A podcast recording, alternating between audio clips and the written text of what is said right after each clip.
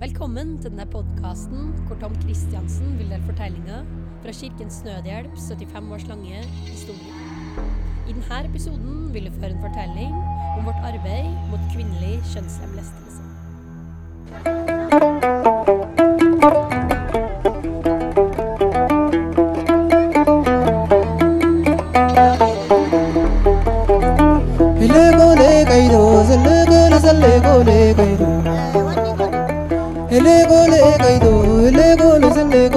Waide.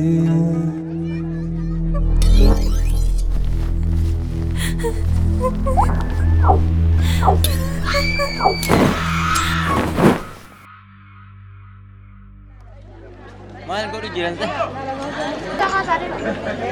Damen med den brune håndveska på vei ned hovedgata i landsbyen Tulukello er hun som skjærer opp jenter nedentil og ødelegger deres kjønn for livet.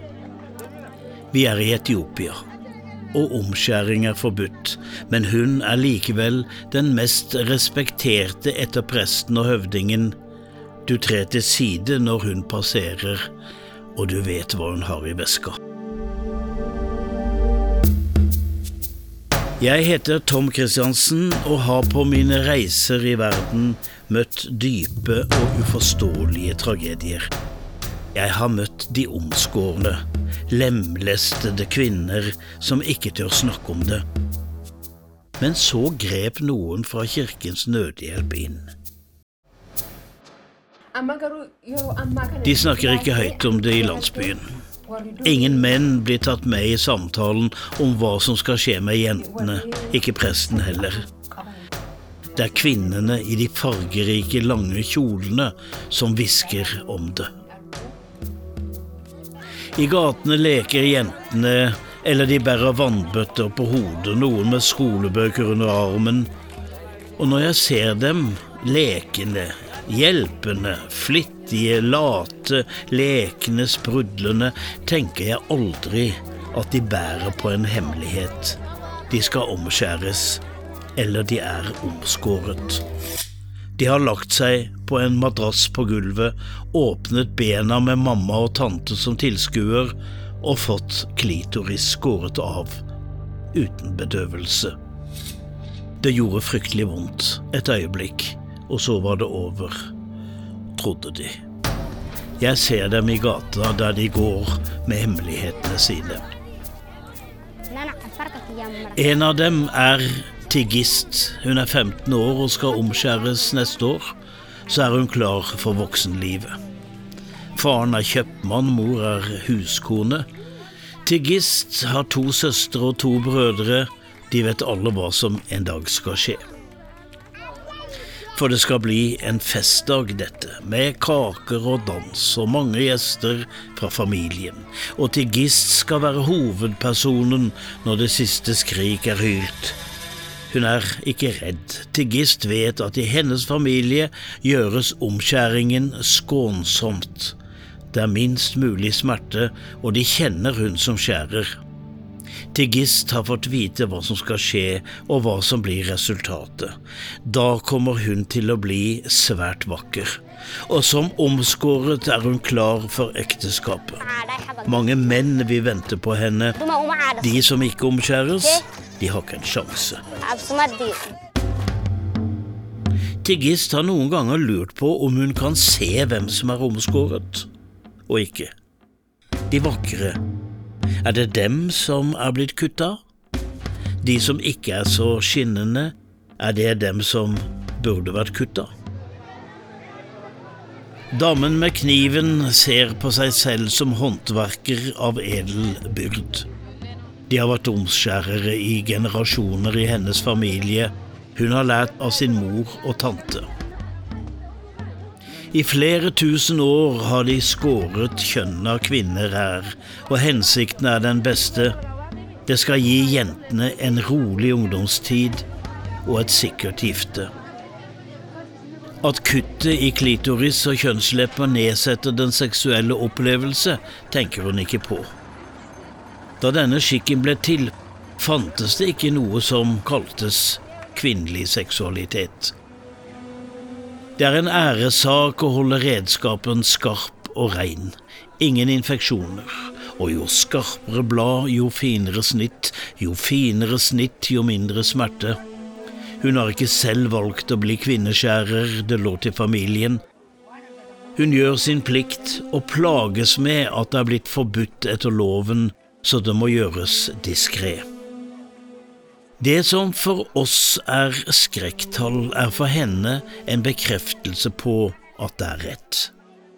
200 millioner kvinner i verden er omskåret. I 30 land, vet hun, er dette helt vanlig. I hele hennes verden, altså.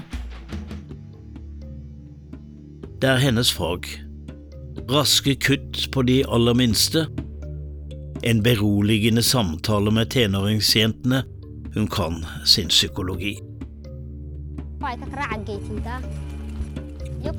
Digist har snakket med mor og med tantene, og det er skremmende at hun skal blø, men det går over. Hun snakker med venninnene også, og kjenner noen som har gjort det. Men så skal de plutselig snakke om dette på skolen, for det har skjedd noe. Det er kommet folk til byen, og de vil snakke med ungdommen. De har vært i kirka og moskeen, de har snakket med prestene og imamene, lærerne også, og med høvdingen. Dette har aldri hendt før. Å snakke med fremmede om det. De er tolv jenter i klasserommet, og ei dame de ikke kjenner. Hun sier hun heter Deriba. Og nå skal jeg fortelle dere om kroppen deres. Jentene sitter på hver sin plaststol i en halvsirkel, de støtter armene på knærne. Hva skal skje? Hun har med seg en video, og de kobler til kontakten. Hun skal vise bilder av omskjæring, det vil ingen av dem se på. Nå skal jeg fortelle hva omskjæringen går ut på, sier Deriba og peker. De har ikke sett bilder av nakne, skrevne jenter før. Det gjør vondt, ja, det gjør vondt, sier Deriba. Det går over, men ikke for alle. Noen får infeksjoner, andre får dype kutt som vil gjøre vondt i mange år. Det visste ikke jentene. Men det er ikke det verste. Mange kvinner får store smerter når de skal føde. Det hender at noen dør om de ikke er på et ordentlig sykehus. Men hva skjer spør en av jentene. Det er jo bare et kutt. Damen ser rett på henne. Vet du, det er et kutt som ikke skal være der. Det kan føre til at det gjør vondt å tisse. Det kan føre med seg mange infeksjoner, både der nede og i urinveiene. Du kan få smerter i underlivet, det kan være ubehagelig, det kan også gjøre det vanskelig de dagene dere har mensen. Noen får problemer med å føde, og mange er engstelige når de skal ha barn siden de er blitt kutta. Hele svangerskapet Tause sitter de og ser i gulvet, ser på hverandre. Er det sant?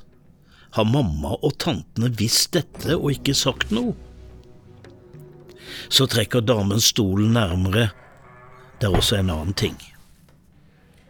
Når dere skal ha sex en dag, da er det sånn at mye av gleden og lysten sitter i den tappen som er skåret bort. Dere mister gleden. Mange voksne kvinner sier de bare har plager med sexlivet, for det gjør vondt, eller det gjør ikke noe i det hele tatt. Nå tar Tolosa ordet, hun er en av de største jentene. Hun synes dette høres rart ut. Guttene spør etter de jentene som er kutta. Det er dem de vil gifte seg med, de andre jentene blir bare gående uten en mann. Det Riba sier. Hva tror du guttene vet om det? De er opplært til at jenter som ikke er omskåret, er farlige, ville jenter. Ta nå dere, ingen av dere er omskåret, men er dere ville og gale? De ler. Så går de hjem, opprømte av hva de har lært. Kanskje tenker de Det er dumt at det er sånn. Men det er guttene som bestemmer. Eller iallfall mamma. Men det har skjedd mer i Tulukello denne dagen. Prestene har studert Bibelen, og nå forteller de hva de har lest. Det står ingenting der om omskjæring. Ingenting om ville jenter. Gud vil ikke at dette skal skje. Presten snakker med mennene i menigheten og med guttene, og når ingen andre hører ham, da sa presten, det er sånn, karer, at når lysten er stor og du vil gi deg hen, så vil du gjerne at kona di også skal kjenne denne hengivenheten. Men det kan hun ikke fordi hun er omskåret. Hun kjenner ikke den gleden. Den er skåret vekk for alltid. Hun har kanskje vondt også, og gruer seg til hver gang du vil ha henne. Det var fryktelige nyheter der i kirken denne ettermiddagen. Og etter at noen hadde snakket sammen, vokste det fram en uro. Dette kan ikke fortsette. Tigrist og de andre jentene hadde fått hver sin bunke brosjyrer om det de hadde snakket om, med bilder av blod og ødelagte underliv. Det sto om skadene som kom seinere, og de merket seg det nye ordet lemlestelse. Omskjæring, det var en kniv og et kutt, men det var egentlig en ødeleggelse. Var det sånn? Dette hadde ikke vært lett å snakke om. Kirkens Nødhjelp ville ikke presse andre folkeslag til å endre sin kultur. Det måtte etiopierne selv gjøre, men de ville være med å spre kunnskapen om hvor skadelig omskjæring av jenter var, og budskapet ble spredt til menigheter, helsearbeidere, klinikker, diakoner, imamer, høvdinger, kloke koner, ja, omskjærerne selv. Alt var i bevegelse nå, i Tulukello. Mødrene hadde snakket sammen, og jentene gikk rundt med brosjyrene, og guttene som aldri ble spurt, men som skulle finne koner, hadde fått flere tanker i hodet, og alle syntes det var litt rart at presten var blitt opptatt av kvinnenes underliv. Han snakket om det fra prekestolen endog, til slutt hadde høvdingen reist seg under det store treet i landsbyen og sagt at her skal vi ikke ha noe mer omskjæring. Tigist og Tolosa og de andre jentene hadde bestemt seg. De ville ikke. Så gikk de hjem, hver til sitt, og fortalte det til mor. Og hun snakket med tantene, og slik ble det. Den store festen som de hadde sett fram til etter omskjæringen, skulle holdes likevel. Men til ære for jentenes valg. Og guttene i Tulukello, de hadde fått noe nytt å tenke på. Det var kanskje ikke så dumt, det der med jenter som var hele. Ele